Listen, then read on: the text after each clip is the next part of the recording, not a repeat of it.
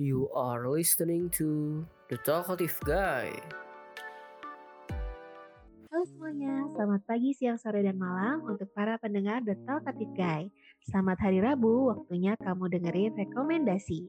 Ketemu lagi sama aku Christine Dan gue Virial yang akan nemenin kalian di episode kali ini. As you guys can see, di judul episode kali ini kita bakal bahas mengenai aplikasi di smartphone yang useful dan entertaining. Ya, sebagai pengguna smartphone tentunya jangan HP-nya aja yang smart, tapi kita sebagai usernya juga harus smart juga nih. Jadiin smartphone kita sebagai benda yang bisa ngebantu kita untuk mempermudah hidup kita, bukan malah kecanduan yang gak bermanfaat. Setuju banget nih. Apalagi sekarang semua kan gampang banget ya diakses pakai smartphone. Tinggal pencet-pencet udah ada deh apa yang kita cari. Nah, di episode kali ini kita bakal ngasih rekomendasi ke kalian aplikasi smartphone yang mungkin kalian belum tahu. Wah, sayang banget tuh kalau misalnya belum tahu list aplikasi yang satu ini, karena banyak banget manfaatnya. Bisa sebagai media hiburan, tempat cari inspirasi, bahkan mempermudah kegiatan kita pas lagi kerja, kuliah, sampai membantu kita memperbaiki pola hidup kita nih. Jadi langsung aja kita ke urutan pertama ya.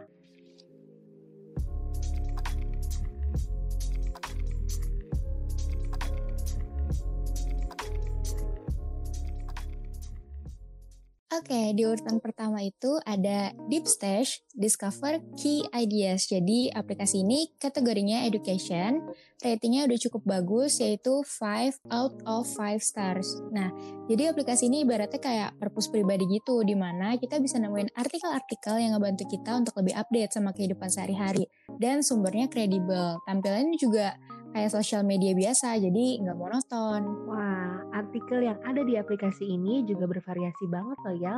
Contohnya nih, ada artikel tentang skill belajar, tips and trick tentang produktivitas, sama ada life hacks juga yang berguna untuk kegiatan kita sehari-hari. Yang pastinya bakal buat hidup kita lebih mudah deh. Sumber aplikasi ini juga terpercaya, seperti kata Iyal tadi. Contohnya dari artikel-artikel, video, podcast, bahkan sampai majalah seperti Medium, Forbes, dan juga BBC, serta masih banyak lagi. Kalian juga bisa nih sesuaiin tema artikel sesuai sama minat kalian. Jadi kita bisa bikin profil sendiri dan bisa save artikel-artikel yang nyambung sama minat kalian. Bisa kalian filter juga mau artikelnya yang baru banget atau yang paling populer. Bisa kalian share juga ke teman-teman kalian via WhatsApp atau sosial media kayak Instagram, Twitter, dan Facebook. Pastinya kita mau dong share hal yang bermanfaat ke circle kita. Ya, yang paling penting aplikasi ini 100% free deh, gratis. Dan gak ada iklannya loh. Available juga buat kalian di Android maupun iOS user. Jadi langsung aja kalian download sekarang juga ya. Terus yang kedua ada Memories. Instagramnya bisa kalian cek di @memoriesinteraktif.id. Aplikasi yang kedua ini dulunya itu namanya Ciayo Stories. Terus Desember 2019 dia ganti nama jadi Memories. Basicnya sih aplikasi ini untuk hiburan. Terus dikembangkan juga untuk membuat karya-karya nih. Jadi nggak cuma menikmati, tapi kita juga bisa ikut contribute sebagai pembuat dari cerita-cerita yang ada di sana. Jadi aplikasinya yang pertama itu adalah games, yaitu interaktif otome stories yang tentunya merupakan genre games yang sebenarnya lebih umum dimainkan oleh kaum perempuan. Yang kedua ada writer app-nya, yang tadi aku bilang bisa jadi kontributor juga di aplikasi ini. Jadi kalian bisa buat cerita versi kamu sendiri dalam bentuk chat story, jadinya beda dari yang lain. Interesting banget ya kak, jadi kita nggak cuma baca cerita aja, tapi kita bisa nentuin nih plot ceritanya mau kayak gimana. Kurang lebih hampir mirip ya sama aplikasi sejenis yang namanya episodes atau choice, cuma ada English based gitu. Sementara Memories ini ada juga versi Indonesianya. Dari aku lihat ya kak, mereka ada fitur chat story jadi kita bisa ngerasain feelnya uh, chatting atau langsung gitu lawan mainnya kita sebagai main karakternya ya betul banget ya jadi aku nih udah pakai aplikasi ini sejak 2 tahun yang lalu dan aku suka banget karena mereka itu nggak cuma stay di comfort zone mereka tapi mereka tuh terus berkembang dari waktu ke waktu.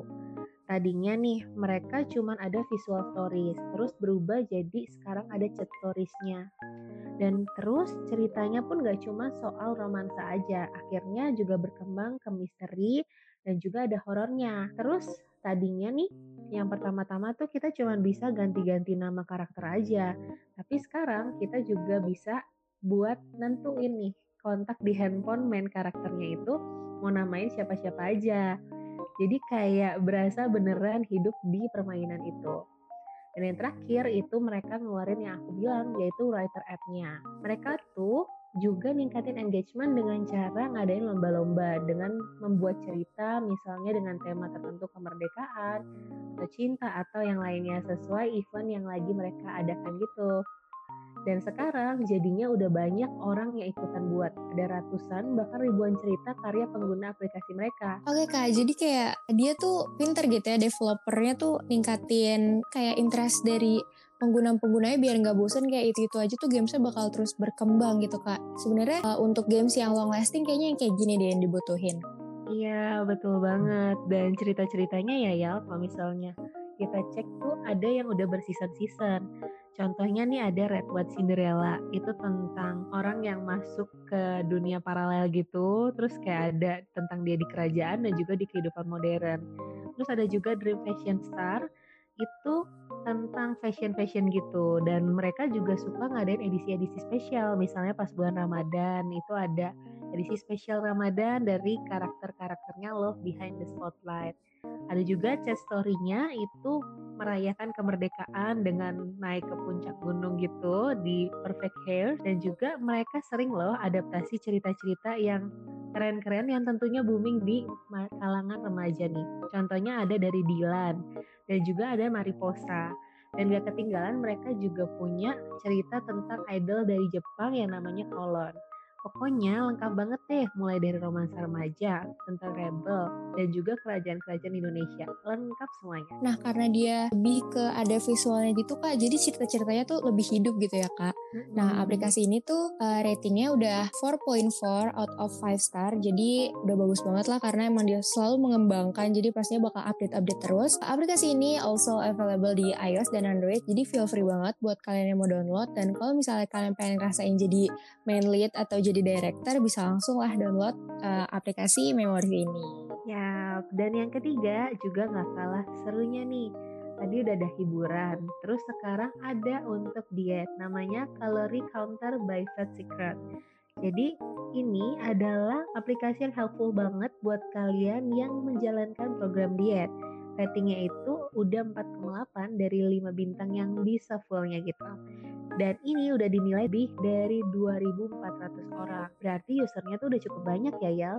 Kamu sendiri udah pakai belum ya? Kebetulan aku salah satu user dari Calorie Counter. Nah aplikasi ini tuh emang helpful banget. Kita bisa ngitung jumlah kalori makanan yang kita makan mulai dari sarapan, makan siang sampai makan malam, bisa ngitung kalori hariannya juga pada saat itu, terus rata-rata kalori per minggu atau per bulan dan kalori yang seharusnya kita konsumsi kalau misalnya kita lagi program diet sesuai target berat badan yang kita mau kak. Misalnya kayak diet keto atau yang kayak aku nih lagi ngelakuin intermittent fasting, jadi kita butuhnya berapa kalori sehari, di situ bisa langsung klik aja karena udah ada optionnya kak. Wah, menarik banget ya ya. Nah, yang menarik lagi nih Kak, kita bisa langsung cari menu makanan kalau misalnya kita pesan makan dari restoran. Misalnya kayak aku pesan fried chicken yang McD atau hash brown terus kita langsung klik aja menunya dan di situ ada data kalorinya berapa karena kan bukan kita ya yang masak jadi kita takutnya kayak nggak tahu segimana ukurannya jadi bisa langsung di search aja wah berarti dia tuh udah punya resep-resepnya mungkin ya jadi dia punya bocoran berapa nih kalori dari masing-masing menu di restoran itu ya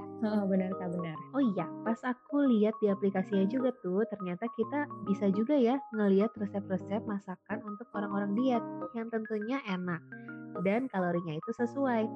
Kadang kan orang dia tuh suka bingung ya, kalau misalnya menunya tuh apalagi ya yang harus sehat, kayaknya itu-itu aja. Ternyata di aplikasi ini kita dapat banyak referensi gitu ya. Betul banget kak, kita juga bisa dapat nih laporan kalori kita kayak yang tadi aku bilang kayak rata-ratanya tuh berapa dan kalau makanan yang kita makan itu nggak ada di search bar, kita bisa langsung foto makanannya nanti bakal keluar saja saya tuh makanan apa gitu.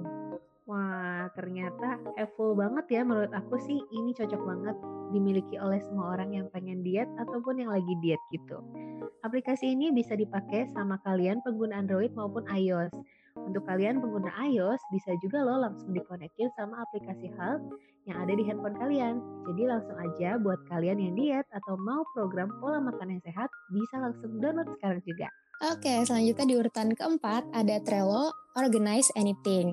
Ini aplikasi yang ngebantu para pekerja untuk organize proyek mereka di satu tempat di satu aplikasi. Kalian juga bisa masukin beberapa anggota dalam aplikasi ini. Jadi semua orang yang terlibat bisa saling tahu progres proyek itu, siapa yang handle dan udah di step mana. Nah, kalau misalnya di ilustrasinya itu, Trello ibarat sebuah papan tulis yang penuh sama sticky notes. Dan isi dari tiap sticky notes itu ada job desk-job desk kita maupun partner yang kita ajak join nih. Di setiap sticky notes-nya itu terdapat foto. Bisa juga kasih lampiran berbagai sumber serta kolom komentar. Jadi lengkap banget untuk catatan kerja kalian setiap harinya. Nah, fitur dari Trello sendiri itu cukup banyak ya. Dia ada boards yang isinya lengkap uh, si proyek lengkap ini dan informasinya juga. Di fitur ini bisa digabung nih sama anggota-anggota yang lain dari tiap divisi. Nah, orang-orang itu bisa lihat nih apa aja yang ada di board saya itu ada to do yang mau dilakuin, ada doing yang lagi dilakuin sama dan apa yang udah dilakuin serta kita juga bisa tambah review uh, di board itu untuk kasih evaluasi dari kerjaan yang udah kita lakuin atau partner kita lakuin. Terus ya, board ini juga unlimited banget jadi kita bisa adjustable sama proyek yang kita jalanin dan divisi yang ada di proyek itu. Ya, dan gak lupa nih ada fitur lainnya yaitu cards yang gunanya untuk nampilin tes maupun ide kalian untuk proyek-proyek kalian itu. Fitur ini dilengkapi sama tanggal deadline juga, jadi bisa sekalian jadi reminder. Selain itu, sama seperti boards, card ini juga unlimited dan partner di proyek kalian bisa saling komen di card itu. Nah, fitur selanjutnya ini ada fitur pendukung board sama cards, yaitu ada list. Jadi tadi kegiatannya yang kayak to do, ongoing, atau dan itu uh, ada di tampilan list ini bentuknya mirip sama workflow. Kalian bisa juga nih pindah-pindahin tasnya dari to do ke ongoing atau ke done sesuai sama progres yang ada. Wah, jadi emang udah lengkap banget untuk para pekerja. Buat kalian, langsung aja download aplikasi ini karena recommended banget untuk saling koordinasi dalam satu proyek tapi jarak jauh kayak sekarang ini. Dan ini bisa buat kamu lebih bersemangat lagi karena udah disusun rapi untuk setiap kegiatan yang akan kalian lakukan. Jadi bisa lebih produktif dan konsisten dengan deadline yang ada. Pastinya ini juga ramah untuk pengguna Android maupun iOS. Masalah memori kalian jangan takut karena aplikasi ini cuma makan sekitar 10 MB aja pas download. So langsung aja dicoba sekarang juga ya. Last but not least, di urutan kelima ada Ipusnas, aplikasi yang bisa dibilang sebagai perpustakaan pribadi kita karena kita bisa pakai di mana aja dan kapan aja. Ini ngebantu banget sih kak buat anak kuliahan kayak gue yang kalau misalnya nyari bahan kuliah kan harus dari jurnal, harus dari artikel yang valid. Ya, dan selain jurnal-jurnal ataupun buku nih, bisa juga kalian cari hiburan-hiburan. Jadi nggak perlu susah-susah nyari buku fisiknya lagi, tapi bisa langsung baca di gadget kesayangan kita sendiri. Apalagi gratis loh pinjamnya dan mudah banget. Jadi berasa perpustakaan nasional tapi punya pribadi. Nah iya kak, fiturnya juga udah cukup lengkap ya. Ada koleksi buku buat kita yang browse ebook-ebook yang ada, tinggal klik terus pinjam. Ada e-pustaka di mana kita bisa jadi membership tentunya yang akan ngebantu kita leluasa gunain si aplikasi e-pustas ini. Ada feeds di mana kita bisa ngeliat koleksi terbaru dan aktivitas dari user-user e-pustas yang lainnya. Yap, dan jangan lupa ada fitur rak bukunya loh di mana kita bisa lihat riwayat peminjaman kita. Buku yang kita simpan jadi tinggal buka di raknya aja kalau misalnya kita mau baca lagi. Ada juga fitur bookmark yang digunain untuk nandain bacaan kita terakhir kali udah sampai mana ya, kayak pembatas buku gitu. Dan kalau misalnya kalian mau lompat bab bacaannya, juga ada list untuk daftar halaman TOC-nya langsung aja diklik gitu. Kalau misalnya kalian juga pengen bikin notes tertentu nih di perpustakaan kita, itu bisa langsung buka di personal note. Dan terakhir, kita juga bisa adjust fitur e-booknya sesuai dengan selera dan kenyamanan kita nih. Jadi tampilannya bisa diatur di display setting. Pokoknya lengkap banget deh. Nah karena tadi aplikasinya udah lengkap banget, ngebantu kita banget. Jadi buat kalian nih pengguna iOS atau Android bisa banget baca buku di sini karena bisa dipakai sama dua user itu. Download aja karena udah available. Wah ternyata nih setelah kita bahas 5 aplikasi tadi, ternyata banyak banget ya aplikasi yang berguna untuk kehidupan sehari-hari kita aku juga jadi belajar kalau ternyata smartphone itu nggak cuma buat entertaining aja, tapi kita bisa juga jadi smart dengan aplikasi yang berguna kayak yang kita udah bahas iya, tadi. Iya kak, nggak cuma sosial media aja yang bisa menghibur, tapi bacain artikel yang valid juga bisa menghibur sekaligus nambah pengetahuan. Dan kita bisa ngerasain feel hiburan yang beda di mana ibaratnya kita kayak tadi jadi kayak director. Intinya, jangan HP aja yang smart, tapi kita sebagai user juga harus smart gunain teknologi dan aplikasi yang ada di sekitar kita. Ya, jangan lupa untuk kalian kasih komentar juga ya di episode kali ini dan juga kasih saran boleh banget loh untuk hal-hal apa lagi ya yang ingin kita rekomendasikan di The Talkative Guy. Bisa langsung DM aja ke Instagram kami di @thetalkativeguy_id. Nanti akan kami bacain di episode berikutnya ya. Jangan lupa untuk dengerin juga episode-episode lainnya dari The Talkative Guy.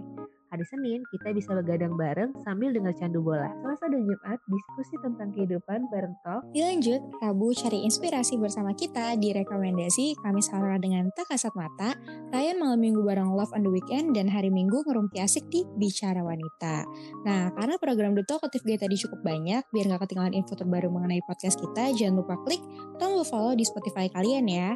Oke, sampai sini dulu rekomendasi kali ini. Tetap jaga kesehatan ya semuanya. Oke, I'm Christine dan Iyal pamit undur diri dulu ya. See you on the next episode. Bye-bye. Bye-bye.